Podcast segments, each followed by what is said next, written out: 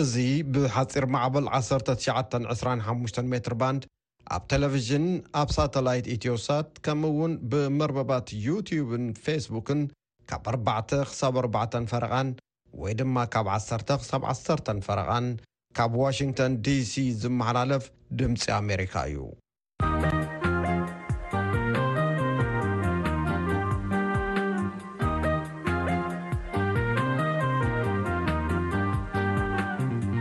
እዚ ኣብ ፍሉይ ጉዳያት ኣተኪሩ ዝዳሎ መደብ ቀዳመ ሰንበት እዩ።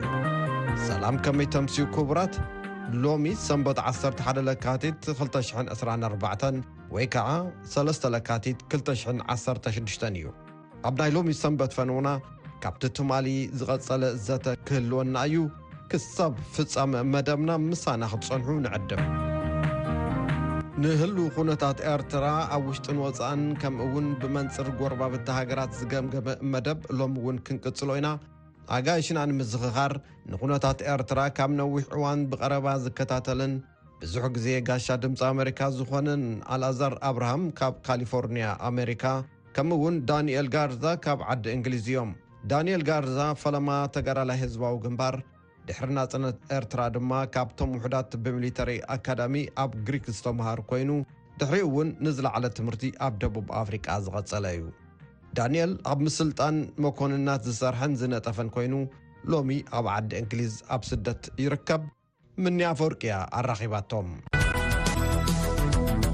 ኣብኣ ከለኹ ብፍላይ ዘሎ ሕጂ ኩነታት ኣተሓሒዝኩም እንተክትርእዩለይ ኩናት ሱዳን ብቐንዱ ብሕቡራት ዓረብ ኢማራት ዝድገፍ ሰራዊት ፁፅ ወሃቢ ድጋፍ ናብ ኤርትራ ናይ ምልሓም ተኽእልኡ ከመይ ይረኣየኩም?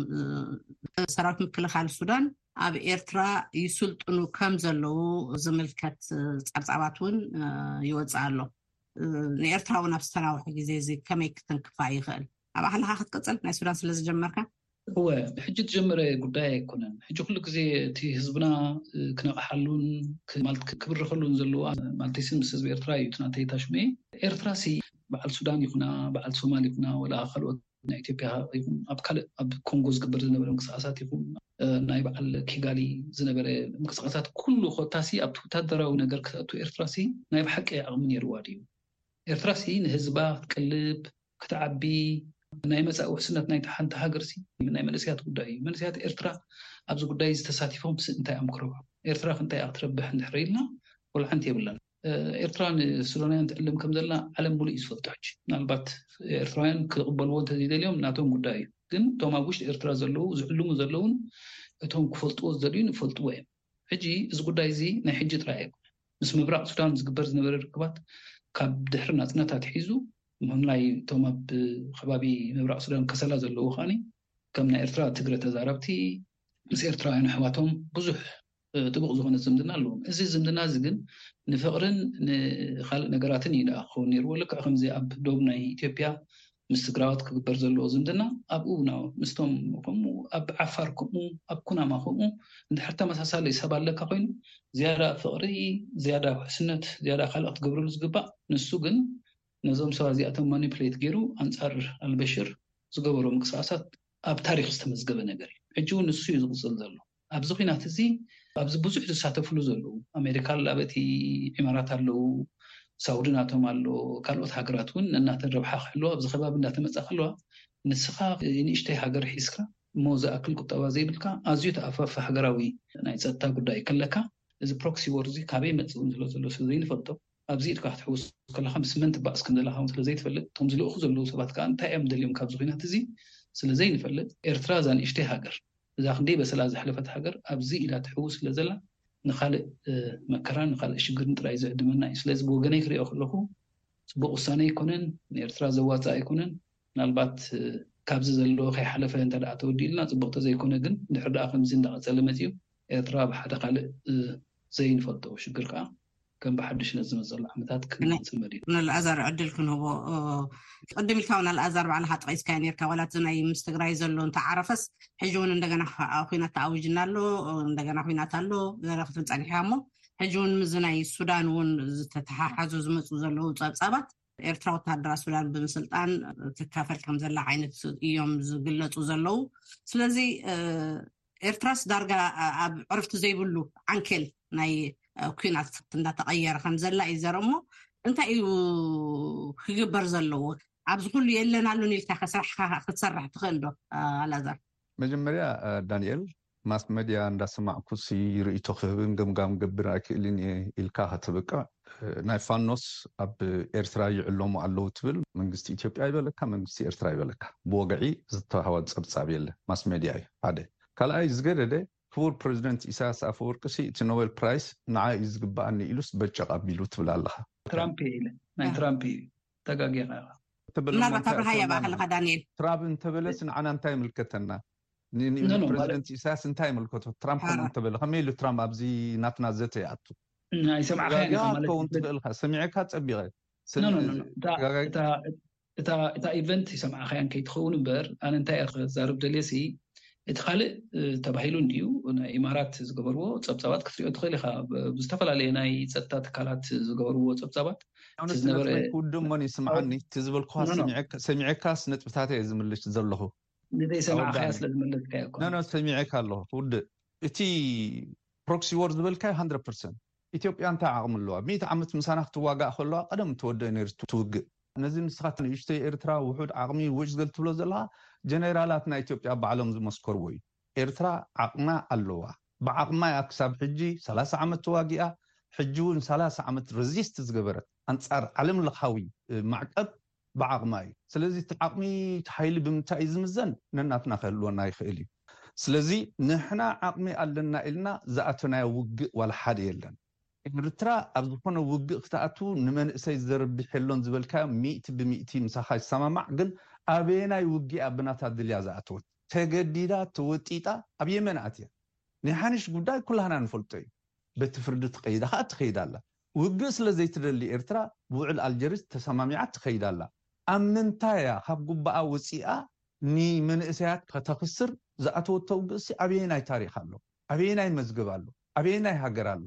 ስለዚ ዋላ እዚ ናይ ሱዳን ትብሎ ዘለኻ ብቐጻሊ ብእዉጅ ግስታዊ መግለጺ ይኹን ጉዳይ ናይ ስደናውያን ብሰዳናውያን ክፍታሕ ኣለዎ እያ ትብል ዘላ ኤርትራ ኢዳ ኣየእትወትን እዚ ናይ ታዕሊም ትብሎ ዘለኻ ናይ ዕላልን ናይ ዩቱበርስ ኢትዮጵያውያን ኹኑ ኤርትራውያን ዝብልዎ ክኸውን ይኽእል እዩ ኻብኡ ዝተረፈ ግን ኤርትራ እዚ ናይ ፕሮክሲ ዎር ትብሎ ዘለኻ ፕራይም ሚኒስተር ኣብይሲ ዓሰርተ ቢልዮን ንውግእ ባጀት ክስልዕ ኽእል እየ ክብል ከሎ ሰለስተ ሚእቲ ሚልዮን ዕድኡ ክኸፍል ዘይከኣለ እዩ ቴን ቢልዮን ዳላር ኣብ ፓርላማ ዝተዛረቦ እየ ዝነግረካ ዘለኹ መን ዝሃቦ እንታይ ንምግባር ስለዚ ሲ እቲ ፕሮክሲ ዎር ሚእቲ ብሚእቲ ንሰማማዕ ኢና ክሳብ ሕጂ ዝተገብረ ከኣ ንኤርትራ ውሑድ ህዝቢ ዘለዋ ኣብ ዘየእትዋ ውግእ ክትኣቲ ኣለዋ ኢልካ ምዝራብካ ቦታ የብሉን።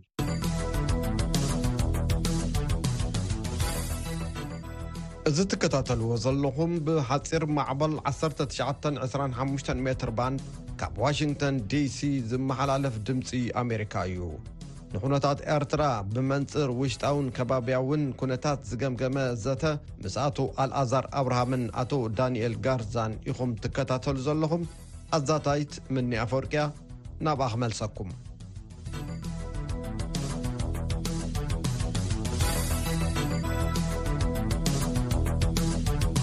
ናብ ዳኒኤል ክምለስ እየ ምክንያቱ ቅድም ኢሉ ገሊፅልና ተጋዳላ እዩ ጋዲሉ ኣትዩ እንደገና ውን ኣሰልጣኒ ነይሩ ኣብ ሳዋ ውን ክሳብ ኮንጎ ክሳብ ኪጋሊ ወታደራት ኤርትራ ዝተካፍልሉ ውግኣት ከም ዘለውን ክጠቅሰልና ፀኒሑ እሞ ከይደም ኣብኡ ዝተረፉ መንእሰያት መንዋኡ ወዲቁ እውን ዝፍለጥ ነገር የለን ማለት ዩ ብሕርዳ ከምዚ ዝብለና ዘሎ ዳንኤል እንተኮይኑ እሞ ዳንኤል ኣብኡ እናሃለካ ንኣብነት ኢህደግ ከሎ ኢትዮጵያ ማለት እዩ ናይ ትግራይ ደምሒት ዝበሃሉ ኣብ ኤርትራ ይስልጥኑ ከም ዝነበሩ ተሓር ካብ ኤርትራ ኢትዮጵያ ምእታዎም ይፍለጥ ናይ ኦሮሞ ተዋጋእቲ ኣብ ኤርትራ ከም ዝነበሩ ይግለፅ ግንቦት ሸውዓተ ዝበሃሉ እዚኦም ብሙሎም ኣብ ኤርትራ ነይሮም ድሓር ሰላም ምስተገብረ ከማን ካብ ኤርትራ ክኣትዉ ከለዉ ዜናታት እውን ተሰሪሕሎም ይረአ ነይሩ እዩ እሞ ናይ ሶማል ወተሃደራት ኣብ ኤርትራ ይስልጥኑ ከም ዘለዉ ፕረዚደንት ናይ ሶማል ከይዶ ከማን ከም ዝረኣዮም ከም ዝበፅሖም እውን ተራእዩ ነይሩ እሞ እዚ ንኤርትራስ እንታይ እዩ ዘርባሓ ንዕኡ ዝጠፍእ ዘሎ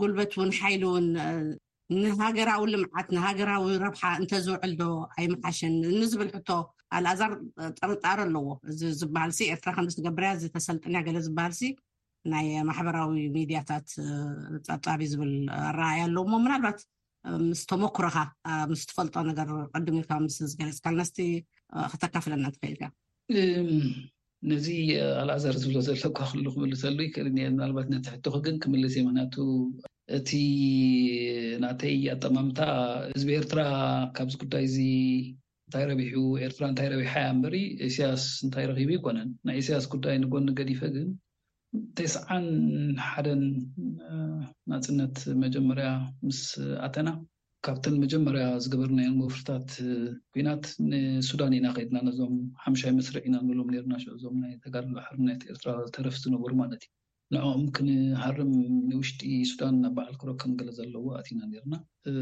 ክንረኽቦም ኣይከኣልናን ምክንያቱ ንሳቶም ደባይ ንሕና ከኣ ዳርጋ ናብ ሰራዊት ተቀይርናሲ ደሮና ዑብ እናበልና ምስ ከድና ብርሑቅ ውን ሪእና ነይሮም ማለት እዩ ሽዑ ኣነ ዋላ መንእሰይ እምበር እምበር ካብ ሽዑ ኣትሒዘ ኮሽን ገይረዮ ማለት እዩ ነቲ ጉዳይ። ዝገርመኪ ነገር ንዕኡ ንናይ ኣተሓሳስባ ጉዳይ ማለተይ እየ እቲ ድሌት እውን እንታይ ከም ዝነበረ ሕጂ ተመሊሰ ክሪኦ ከለኩ ይገርመኒ እዩ ግን እንታይ እየ ክብል ደልየ እቲ ኣተሓሳስባ ምናልባት ትሮማ ናይቲ ዝሓለፍናዮ ጉዳይ ክኸውን ይኽእል እዩ ንዝኾነ ጉዳይ ብኩናት ናይ ክትፈትሕ ምድላይ እቲ ካብቲ ዝነበርናዮ ጉዕዞ ናይ ሰላሳ ዓመት ካብኡ ዝመጸ ክኸውን ይኽእል እዩ። እዚ ኩሉ ንተጻብኦ ጥራይ እዩ፣ ከም ድኻም እዩ፣ ገለታት ገለ እንድሕር ንስማዕ ኣለና ኮይንና ከምኡ ኣይኮነን። እቲ ድሌት እንታይ እዩ? ዝኾነ መፍትሒ ንክተምጽእ ኣብቲ መሰረታዊ ሱር ናይቲ ጉዳይ ናይቲ ሽግር እንድሕር ዘይትዛረብ ኮይንካ ምናልባት ኤርትራ ንከይዳ ንኮንጎ ሰራዊት ሓጊዛ ፈጣን ጃልባታት ዶ ዋላ ብረት ካላሽን ከይተረፈ ገለ ተሂባሲ ኩሉ ዓለም እዩ ዝፈልጦ። ዝኾነ ክፈልጥ ዝደለየ ሰብ ናብ ካልእ ጥልቕ ዝበለ ናይ ሪሰርች ትካላት ከይዱ እንታይ ከም እተገብረ ክፈልጥ ይኽእል እዩ፣ ዝተመዝገበ እዩ ማለት እዩ። ካብ ማሕበራዊ ሜድያ ጥራይ ዝመጸ ኣይኮነን ማለት እዩ። ብድሕሪኡ ምስ ናይ ጆን ገራንግ ሰራዊት ዝተገብረ ናይ ታዕሊም ታሽሙ ርኡይ እዩ፣ ኣብ ሳዋ እዩ ተገይሩ። ማለትሲ ኩሉ ሰብ ዝፈልጦ ዋላ ኤርትራውያን መንእሰያት እውን ከይተረፈ ዝፈልጥዎ እዩ። ነዞም ዝበልክዮም ናይ ኢትዮጵያ ይኹኑ ብድሕሪኡ እውን ክሳብ ንቻድ ከይድካ ምንቅስቓሳት ነይሩ እዩ። ነዞም ናይ ምብራቕ ሱዳን ዝግበር ደገፋት ምናልባት ክንዛረበሉ የብልናን ገለመለ ይመስሎ ክኸውን ንኣልኣዛር። ንሕና ግን ሃገርና ዲና ክነድሕን ደሊና ዋላ እቲ ኢሳያስ ዝኸዶ ዘሎ ኣካይዳ ምክንያቱ ናይ ሓደ ሰብ ኣካይዳ ኢና ንዛረብ ዘለና ንሕና እኮ ፓርላመንት ሃልዩና ሚኒስተራት ወሲኖም ህዝቢ ብኩሉ ዝመረጾ እንድሕር ደኣ ስርዓት ኣለካ ኮይኑ ንሃና እዩ ንሕና ኢና ኢልና ክንዛረብ ንኽእል ኢና ኣነ ግን ንሕና ክብል ኣይክልን እዩ ንሕና ትብሎ ኩሉ ግዜ ስርዓት ናይ ዲሞክራሲ ብሕጊ ዝተማእኸለ ብምርጫ ዝመፀ ስርዓት እንተድኣ ኣልዩካ ንሕና ኢልካ ክትዛረብ ትኽእል ኢኻ ናህና ክትብል ትኽእል ኢኻ። ከምኡ ስለ ዝበልካን ዘይበልካን እቲ መንነት እቲ ንሕና ነዛርቦ ዘለና ኩሉ ሻዕ እዚ ኤርትራዊ መንነት ንብሎ ዘለና በዚታት ዝትንከፍ ጉዳይ ኣይኮነን። ኤርትራዊ መንነት መሊሱ በዚ ነገር እዚ ይዳኸም ከም ዘሎ ገይረ ስለ ዝርድኦ እየ ኣነ ክልተ ነገር ነፂርና ክንርኢ ኣለና እቲ ስርዓት ዝገብሮ ዘሎ ነገርን እታ ሃገር ትደልዮ ጉዳይን ሓደ እዩ ኢልና ክንዛረብ ኣይንኽእልን። ልክዕ እዩ ናይ ግዳም ጸላኢ ኩሉ ግዜ ክመጽእ ከሎ ነታ ሃገር ኣብ ኮንተንሽን የእትዋ እዩ። እዚ ንዛረቦ ዘለና ኩሉ ግን ናይ ግዳም ጸላኢ ዘይኮነስ ንሕና ኢና ንግዳም ንውፍር ዘለና። ስለዚ ዝተሰነደ እዩ። ገሊኣቶም ኣብቲ ውሽጢ እውን ኣብዚ ጉዳይ እዚ ዝሳተፉ ስለ ዘለዉ እዚ ንዚ ኢልና ክንዛረበሉ ጽቡቕ ኣይኮነን። ዋላ ነቲ ስምዒት ናይቲ ህዝቢ እምበር ጸጥታ እየ ክብለኩ ኣይክእልን እየ። ምኽንያቱ ካብኡ ዝፈሪ ነገር እውን ስለ ዘይረኣየኒ ማለት እዩ። ኣብ ሶማል ዝተገብረ ምንቅስቓሳት ብምልኡ ዩናይትድ ኔሽንስ ብግቡእ መዝጊቦሞ ኣለዉ። መን ገባሪኡ፣ በየን ኣትዮም፣ በየን ወጺኦም ገለ ብምልኡ ኣብ ኤርትራ ዝተገብረ ታዕሊማት ማለት እዩ። እዚ እውን ስኑድ ነገር እዩ። ንክፈልጥ ዘድልያ ማለት እዩ። ግን ንሕና ስለ ዝተዛረብናሉ ሕጂ ከምዚ ንሕና ንኤርትራ ነጋልጽ ኣለና ወይ ነቲ ናይ ኤርትራ ናይ ጸጥታ ኩነታት ነእትዎ ኣለና ሓደጋ ኣይኮነን። እዚ ኣብ ዕዳጋ ዝተገብረ ጉዳይ እዩ።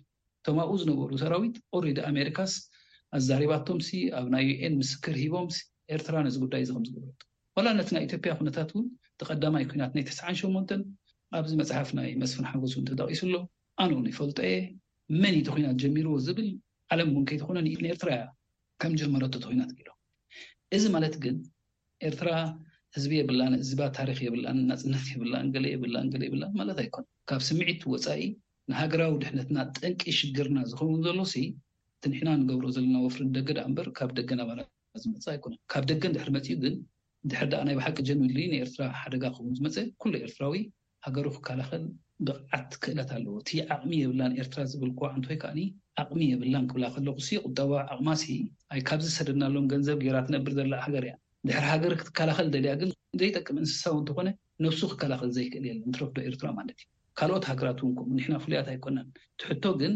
ናይ ብሓቂ ብዘይ ቀልዓለም ክንዛረብ ተኾይናስ ብምወላ ናይ ዜጋታታ ትነብር ዘላ ሃገርሲ እቲ መንግስትስ እቲ ስርዓት ወይ ከኣሲ ዜጋታቱ ካልኦት ስለ ዝቐለብዎ ነተን ዝተረኽባ ገንዘብ እንድሕር ብረት ገዚኡ ካልኦት ይዕልመሉ ኣሎ ኮይኑ ግን ሓላፍነታዊ ስርዓት ወይ ሓላፍነታዊ መንግስቲ ክግበር ዝግብኦ ኣይኮነን። ስለዚ እዚ ክንሓሓፍረሉ ጌጋ እዩ ክንብለሉ ደኣ እዩ ዘለና እምበሪ ክንሓብኣሉን ክንጀሃረሉን ኣይግበኣናን። ምናልባት ኣልኣዛር ኣብዚ ትውስኸሉ ነጥቢ ተሃልዩ? በቲ ዘለካ ተሞክሮ ይኹን በቲ ዝወሰድካዮ ወተሃደራዊ ትምህርቲ ኣብ ቦትኡ ኣሎ።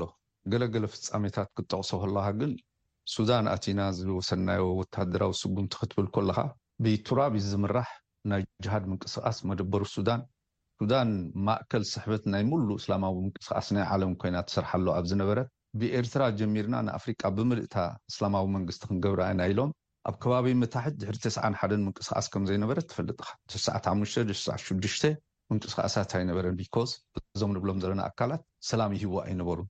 ስለዚ ድሕሪ ብዙሕ ለበዋ ንመንግስቲ ሱዳን መንግስቲ ሱዳን ጸግዒ ናይቶም ኣሸበርቲ ኮይኑ ይዕልሞምን ይእንግዶምን ስለ ዝነበረ መንግስቲ ኤርትራ ናይ ግድን ስጉምቲ ክወስድ ነይርዎ እቲ ስጉምቲ ከኣ ወሲድዎ። እቲ ካልእ ናይ ሶማልያውያን ምዕላም ኣብ ጋዜጣ ዝወጸ ኣብ ኤሪቲቪ ዘሎ ዓለም ዝሪኦ ዓለም ዝፈልጦ ክልቲኦም መንግስታት ክልቲኦም መራሕቲ ዝመረቕዎ ዝባረኽዎ ጉዳይ እዩ። ብድልየት ናይ ክልቲኦን ሃገራት ስምምዕ እዩ። እቲ ዳኒኤል ዝሃብካዮ ዓቢ ጸጋ እንታይ እዩ ብዜጋታታ ትምወል ሃገር ክትብለኒ ከለኻ ዓቢ ጸጋ እዩ፣ ንሱ ኢና ክንሰምዕ ንደሊ። ዜጋታታ ሃገሮም ክምውሉ ኣለዎም። እቲ ሽግር እኮ ብቢልዮንስ ኤሚሬት ኣራብስ ንኢትዮጵያ ሂቦማ ኣብዚ መዓልትታት እዚ እንታይ ንምግባር? ኣብ ዓለም ዘለዉ ኢትዮጵያውያን ንሃገሮም ሪሚታንስ ሂቦም ነቲ መንግስቲ ጠጠው ከብልዎ እንተዝፍትኑ ዝኾነ ይኹን ማይክል ሃመር ይኹን ዋላ ኤሚራት ኣራብስ እግሮም ኣይምቐመጡን ኣብ ኣብ ኢትዮጵያ። እቲ ሽግር ግን እተን ብደገ ኮይነን ዝዋስኣ ናይ ቀረባን ርሑቕ ጥቕምታተን ረብሓታተን ኣብ ግምት ብምእታው ኣብ ውሽጢ ሃገራት ኣብ ሱዳን ክመጽእ ዝኽእል ዕርቂ ንዓይ ኣይረኣየንን ምኽንያቱ ትሽዓተ ሃገራት ኣለዋ ኣብኡ ብምሉእ ዓቕመን ዝንቀሳቐሳ ዘለዋ ናይ ጅቡቲ እንታይ ክትብል ትኽእል ስለዚስ ኤርትራ ኣብ ዜጋታታ ተሞርኲሳ ንዓኣ ዘዋጽኣ መንገዲ ትህቅን ኣላ ክንብል ኮለና ኣብ ተበግሶታት ኣላ ማዕድናታ ሃገራዊ ጸጋታታ ክትብርብር ዘይከኣለት ሃገር እኮ እያ ቢኮዝ ብዘይ ዕረፍቲ ሓደ ይውዳእ ካልእ ይመጽእ ሓደ ይውዳእ ካልእ ይመጽእ ከይዳቶ ኣይኮነትን ኤርትራ ይመጻ እዩ ዘሎ እቲ ዕግርግር ሕጅስ ኢትዮጵያ ብሓይሊ ባሕሪ ክንሕዝ ኢና ክብሉ ከለው እንታይ ክገብር ኔርዎ ኤርትራዊ ወይ እንታይ ክገብር ኣለዎ ኢልካ ትኣምን መንግስቲ ኤርትራ ክከላኸል ንምክልኻል ካኣ ክቅረብ ምክንያቱ ንክትህሉ ሲ እታ ሃገር ክትህሉ ኣለዋ ኩሉ ሪሶርስ ንህላወ ኢና ንዛረብ ዘለና ስለዚ ኤርትራ ኣብ ናይ ገዛእ ርእሳ ዓቕምን ኣብ ናይ ህዝባ ሪሶርስን ተጠቒማ ብዘይ የማነ ፀጋም ምፅወታ ኦጠው ኢላ ክትከይድ ትኽእል ኣላ። ኣይለመነትን ኣይተመፅወተትን። እዚ ሓይሊ እዩ። እዚ ፀጋ እዩ። እዚ ሃብቲ እዩ። ስለዚ ሲ እቲ ሚዛናዊ ርእይቶታት ክንህብ ኮለና ብውድዓውነት ኣብ ባይታ ንዘሎውን ብሓቂ ክንምስክር ኮለና እዩ።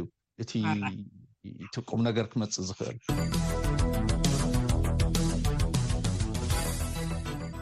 እዚ ትከታተልዎ ዘለኹም ብሓፂር ማዕበል 1925 ሜትር ባንድ ካብ ዋሽንግተን ዲሲ ዝመሓላለፍ ድምፂ ኣሜሪካ እዩ ንኩነታት ኤርትራ ብመንፅር ውሽጣውን ከባብያውን ኩነታት ዝገምገመ ዘተ ምስ ኣቶ ኣልኣዛር ኣብርሃምን ኣቶ ዳንኤል ጋርዛን ኢኹም ትከታተሉ ዘለኹም ኣዛታይት ምኒ ኣፈወርቅያ ናብኣ ክመልሰኩም።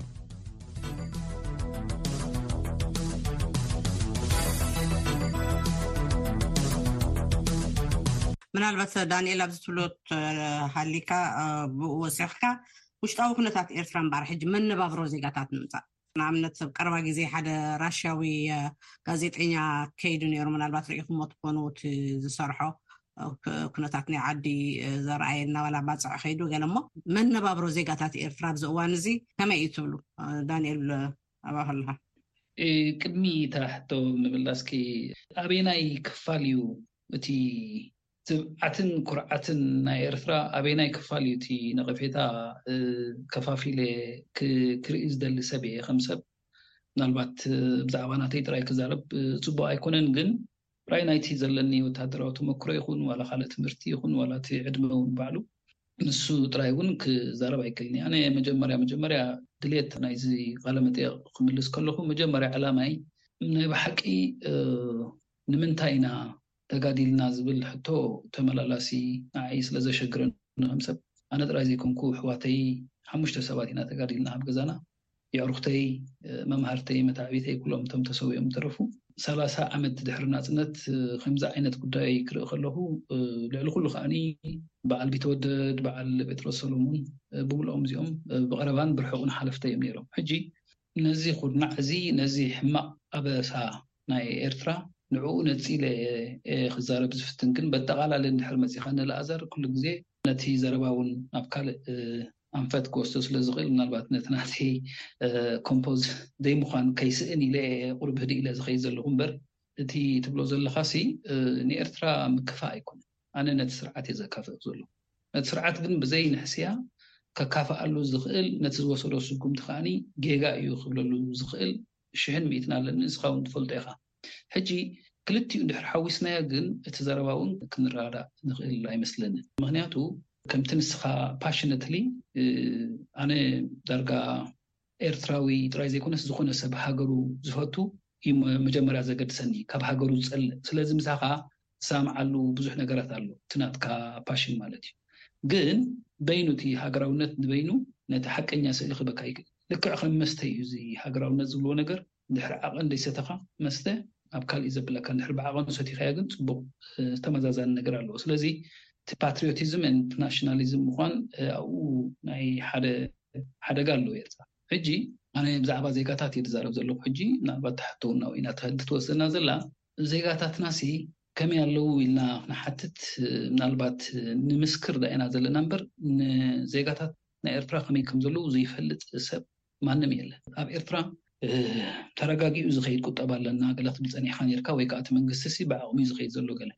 ንሱ ውን ማለተይ ሲ ገለ ነገር ክረዲት ትህቦ ነቲ ሃገር ይኩን ዋላ ነቲ ኢጋሊተርያን ዝኮነ ኣተሓሳስባ ናይ ናይቲ ካብ ገድሊ ዝመጸ ኣተሓሳስባ ኣካይዳን ኣብ ቦትኡ ኣሎ ማለት ሲ እቲ ምትዕጽጻፋት ኣብ ቦትኡ ዩ ኩሉ ግዜ እኮ ሕጂ ግን መዓት ለየርስ ዩ ዘለዎ እቲ ሃገር እቲ ህዝቢ ንባዕሉ እቶም ኣብኡ ዘለዉ ተባላሓቲ፣ እቶም ሰራሕቲ፣ እቶም ሸቃሎ፣ እቶም ሓረስቶት፣ እቶም ገለ፣ ኤርትራሲ ናይ ምናልባት ኣብቲ ውሳኔ ናይ ፖለቲካ ድኣ ናይ ሓደ ሰብ እምበር ኣብ ካልእ ብዙሕ ነገራት እዚ ትብሎ ዘለኻ ሕጂ እዚ ናይ ህዝብና ንዓይ ከይበለ ንስድርኡ ናይ ምምዋል ንዕኡ ጥራይ ዘይኮነ ከማን ጎፋንድሚ ከከፊትካ ከማን ዘዝሓመ ሰብ ናይ ምምዋል ብዙሕ ነገራት ኣለዎ። እዚ ጽቡቕ ነገራት እዩ ከም ጽቡቕ ግን ብከምኡ ድያ ክትከይድ ኔርዋ ሃገር እዞም ኩሎም ኣብ ደገ ኣብ ኤሮፓ ይኩን ኣብ ኣፍሪቃ ዘውፍሩ ዘለዉ መንእሰያት ይኩኑ ዓበይቲ ንኤርትራ ናብ ካልእ ገነት ምቀየርዋ ኔሮም ብዘይ ዝኮነ ናይ መንግስቲ ሓገዝ ገንዘቦም ግን ኣብ ደገ እዮም ዘፍስስዎ ዘለዉ ኤርትራውያን ኣብ መርዓ ክገብሩ ኢሎም ዋላ እቶም ዓበይቲ ሓለፍቲ ከይተረፉ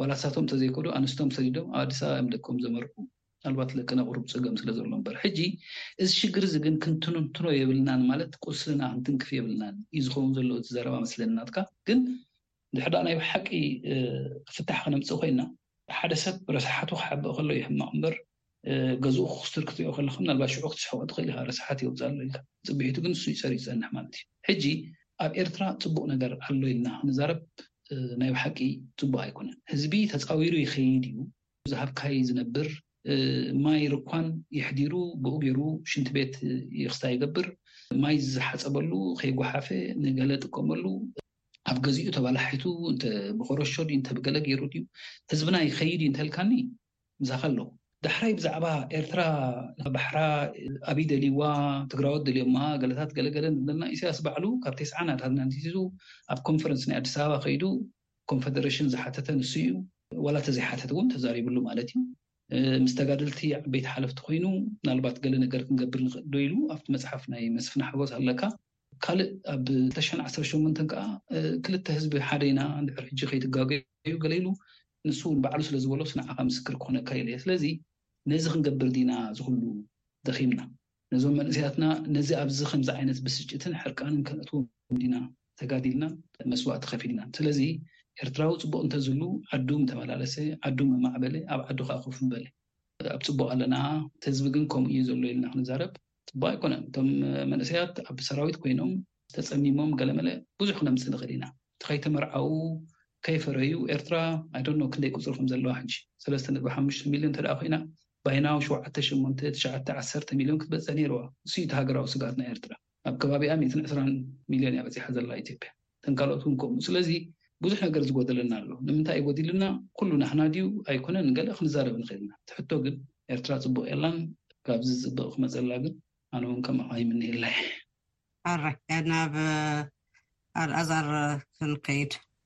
ኦኬ ዘቕረብካዮ ነጥብታት ቕቡል ኣሎ ዘይቅቡል ውን ኣሎ ኣነ ዘረባይ ክጅምር ከለኹ ኣብዚ ዘተ ብተዛማዲ ኢለ እየ ጀሚረ እታ ቃል ብተዛማዲ ብተዛማዲ ምስ ኣብ ከባቢና ዘለዉ ህዝቢ ኣብ ከባቢና ዘለዉ ሃገራት ኤርትራ ከነጻጽራ ከለኹ ኤርትራ ሚእቲ ግዜ ጽቡቕ ኣላ ብተዛማዲ ሱዳን ጽቡቕ የለዉን ኢትዮጵያ ጽቡቅ የሎ ሶማል ኣብ ካልእ ዕግርግር ይመጹ ኣሎ ስለዚ ምስዚ ከተዛማብዶ ከለካ ዝኮነ ይኩን እቲ ዳኒኤል ትምነዮ ዘለካ ምዕባሌ እዚ ሰላም እዚ ከተራጋግጽ ከተውሕስ እንተ ኪኢልካ ጥራሕ እዩ ኤርትራ ከኣ ናብዚ ሰላም እዚ ንክትበጽሕ ክትከፍሎ ዘይግባኣ ዋጋ ከፊላ ሕጂ ሰላም ኣሎ ንብል ኣለና ጽባሕ እንታይ ይመጽእ ጽባሕ እዩ ዝረኣ። ብተዛማዲ ክንብል ኮለና ከኣ ኤርትራ ክሳብ እዛ ሕጂ ናይ ሰሜን ውግእ ትውዳእ ኣብ ውግእ ዶ እዕሪፋ እያ? ኣብ ውግእ እኮ እያ ዘላ። እቲ ውግእ። ጠበንጃ ጥራሕ ኣይኮነን ዝዋጋእ። ስነ-ኣእሙራዊ ኩናት ተኻይዱ፣ ቁጠባዊ ኩናት ተኻይዱ፣ ዲፕሎማሲያዊ፣ ፖለቲካዊ ኩናት ተኻይዱ። ኤርትራ ምስ ዝኾነ ይኹን ሃገር ንኸይትራኸብ ዝኾነ ፖለቲካውን ዲፕሎማሲያውን ቁጠባውን ርክብ ንኸይትገብር ብኢዳን ብእግራን ተኣሲራ ከም ዝጸንሐት ኣጸቢቃ ትፈልጥ እኻ። ሕራይ ኣላዛር እዚ ቅድም ኢልካ ውን ኣልዒልካዮ ኔርካ እንዲኻ ናብቶም ናብ ናብራ ዜጋታት ዝእተወለይ ምክንያቱ ቅድም ኢልካ ውን ጠቒስካዮ ኢኻ ገለ ዜጋታት እኮ እዘን ኩለን ዝሃበን እንታይ ሽሙ ዳንኤል ናብኡ ንክንመጽእ ኢና ሕጂ ናብራ ዜጋታትና ኢና ንገብር ዘለና እዛ ሰላም እዚኣ ከምዚኣ እንድሕር ቀጺላ ኣነ ትምኒተይ ራእየይ ኣዝዩ ንጹር እዩ ኣብ ኤርትራ ለውጢ ክመጽእ እዩ ቢኮዝ ኦረዲ ኣብ ማዕድናት ዝዋፈራ ዘለዋ ትካላት ናይ ዓለም ኣብ ውሽጢ ሓሙሽተ ወይ ዓሰርተ ዓመት እንታይ ለውጢ ክገብራ ክእላ እዛ ሓንቲ ቢሻ ዓቢ ለውጢ እያ ገይራ ሓንቲ ቢሻ ንኤርትራ ዘበርከተቶ ናይ ቁጠባዊ ደገፍ ኣዝዩ ዓቢ እዩ። ከምኡ ንኸይክፈት እኮ እዩ ኤርትራ ተሓይራ ጸኒሓ ምንያ። እቲ ሰላም ንደልዮ ዘለና እንተ ዝገድፉና እንተዘይሕዩሩና፣ ማዕቀብ እንተዘይገብሩልና፣ ውግእ እንተዘይዋጣወጡልና እኮ ካብ ሃገርና ካብ ዓለምና እንሰንፍ ህዝቢ ኣይኮናን። ብመንነትናን ብኩርዓትናን ብትግሃትናን ንንየት ንሕጎስ ንተኣማመን ህዝቢ ኢና። እዚ ዕድል'ዚ ግን ኣይተረኽበን። መንእሰያት ከም በዓል ዳኒኤል ዝኣምሰሉ እቲ ዝተማህርዎ ኣብ ግብሪ ከውዕልሉ ብዘይክእሉ መንገዲ ኣብ ኤርትራ ኣብ ክሰርሕሉ ዝኽእሉ ዓለም እንተኸዱ ንቡር እዩ። ኤርትራ ትምህር ኣላ። ዝተ ተሪፎም ሃገሮም ዝሃንጹ ኣለዉ እዚ ኣይምእመኣንን ኣብ ዝሓሸ ሂወት ተኣቲየ ናተይን ስድራይን ሃገረይን ከገልግለሉ ዝኽእል ንደገ ክኸይደ ኢሉ ንደገ ዝኸይድ ኣሎ እዛ ሰላም እዚኣ እንድሕር ቐጺላ ግን ንደገ ዝኸይድ ኤርትራዊ ኣይክህሉን እዩ ዋላ እንተዘይተባህለ እቲ ዝደልዮ ሰላም እዩ እቲ ዝደልዮ ስራሕ እዩ እቲ ስራሕ እንድሕር ጀሚሩ ኤርትራ ናይ ብሓቂ ኣብቲ ኩላህና ንደልዮ ደረጃ ከምትኣቱ ዘጠራጥር ኣይኮነን። እዚ ንኸይከውን ግን ዳኒኤል ዓለም ለኻዊ ውዲት ብቐጻሊ ኣብ ልዕለና ኣንለስ ዲናይ ክትገብሮ እንተዘይደሊኻ ክትስሕቶ ኣይትኽእልን ኢያ። እዚ ዘይገበርና እዚ ዘይማዕበልና እዚ ዘየተኣታቱና ክንብል ኣይንኽእል ኢና። እቲ ፓሽን We should have equal passion ኣነን ንስኻን ሓደ ፓሽን ክህልወና ይጽበ ይምነ ግን እቲ ርድኢትና ዝተፋላለየ ስለ ዝኾነ በብቲ ዝርድኣና at least ንሃገርና ከነናእስ የብልናን ኩሉ መርገም ኣብቲ መንግስቲ ከነእትዎ የብልናን እቲ መንግስቲ ተገዲዱ ዝገብሮ ዘሎ ስራሓት ንድሕነት ህዝብን ሃገርን ኣነ ጽቡቅ ኢለ እየ ዝኣምን። እረ ኣልኣዛር ጽቡቅ ኣሎ ትብል ኣለካ ዳኒኤል ድማ ጽቡቅ የለናን ይብል ኣሎ። ዳኒኤል ጋርዛይ ካብ ዓዲ እንግሊዝ ኣቶ ኣልኣዛር ኣብርሃም ከኣ ካብዚ ካብ ካሊፎርንያ ቤይ ኤርያ ከተማ ኣውክላንድ ኣዘይ የመስግነኩም የቀንየለይ። የቀንየልና ሰላም ዳኒኤል ጽቡቅ ሌላ ሰላም ንመላእክት። ንኹነታት ኤርትራ ብመንጽር ውሽጣውን ከባብያውን ኩነታት ዝገምገመ ዘተ ምስ ኣቶ ኣልኣዛር ኣብርሃምን ኣቶ ዳንኤል ጋርዛን ኢኹም ክትከታተሉ ጸኒሕኹም ንኣቶ ኣልኣዛር ኣብርሃምን ኣቶ ዳንኤል ጋርዛን እናመስገና ትሕዝቶ እዚ መደብ እውን ተመሊስኩም ኣብ መርበብ ሓበሬታና ክትረኽብዎ ከም እትኽእሉ ነዘኻኽር በዚ እምበኣር ናይ ሎሚ ሰንበት ፈንዎና ዛዚምና ኣለና ጽባሕ ሶኒ ክሳብ ንራኸብ ሰላም ደሓን ሕደሩ።